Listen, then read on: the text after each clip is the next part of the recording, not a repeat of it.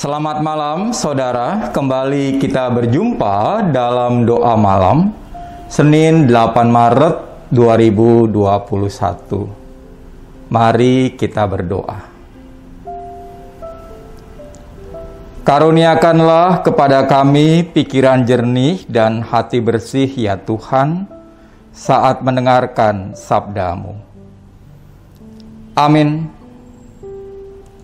Mazmur 84 ayat 2 hingga 5. Betapa disenangi tempat kediamanmu, ya Tuhan semesta alam.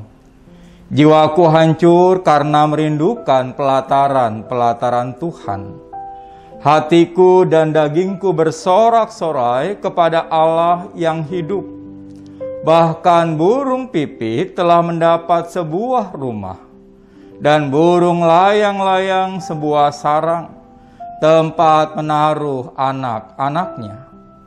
Pada mesbah-mesbahmu ya Tuhan semesta alam, ya Rajaku dan Allahku.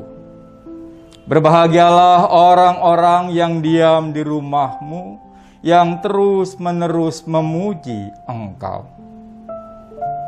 Betapa disenangi tempat kediamanmu ya Tuhan semesta alam.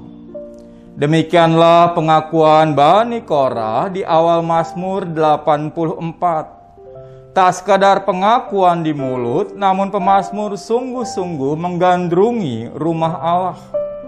Dalam konteks Israel pada masa itu, bait Allah di Yerusalem merupakan pusat peribadahan umat. Itu berarti bait Allah juga merupakan pusat jati diri bangsa Israel. Sehingga berada di bait Allah merupakan kerinduan setiap orang Israel. Di bait Allah pemazmur merasa diterima karena Allah memang tidak akan menolak setiap orang yang datang kepadanya. Allah tidak pernah membuang manusia. Bahkan dikatakan burung pipit dan burung layang-layang pun mendapatkan tempat di bait Allah. Pernyataan bahwa burung layang-layang membuat sarang di mesbah merupakan kenyataan. Menurut Alkitab edisi studi, mungkin hawa panas dari kurban bakaran menghangatkan sarang-sarang burung itu. Pemasmur pun akhirnya mengakui pada ayat 11 dalam Alkitab bahasa Indonesia masa kini. Lebih baik satu hari di rumahmu daripada seribu hari di tempat lain. Aku memilih menjadi penjaga pintu di rumah Allahku daripada tinggal di rumah orang jahat. Pemasmur lebih suka menjadi penjaga pintu bait Allah ketimbang menjadi tamu di rumah orang jahat. Mengapa? Sebab di rumah Allah dan dia sungguh mendapatkan kehidupan itu sendiri. Saudara, di tengah pandemi COVID-19 mungkin perasaan kita sama seperti pemazmur. Itu sungguh wajar. Namun mungkin ini bisa menjadi sumber penghiburan kita juga. Paulus dalam surat kepada jemaat di Korintus mengingatkan, bait Allah adalah kudus, dan bait Allah itu ialah kamu. Ya, kita adalah bait Allah. Itu berarti Allah berkenan tinggal di dalam diri kita.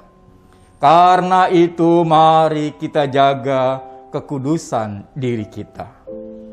Amin. Kita berdoa.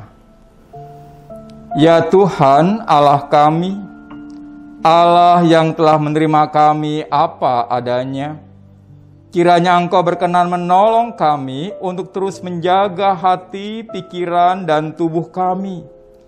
Sebab kami adalah baitmu sendiri. Biarlah tidak ada apa pun yang dapat mencemari diri kami, juga pandemi serta semua yang diakibatkannya. Dalam nama Kristus kami berdoa. Amin. Saudara, mari kita istirahatkan tubuh kita malam ini dengan memohon rahmat Allah agar kita terus dijagainya. Tuhan menyertai.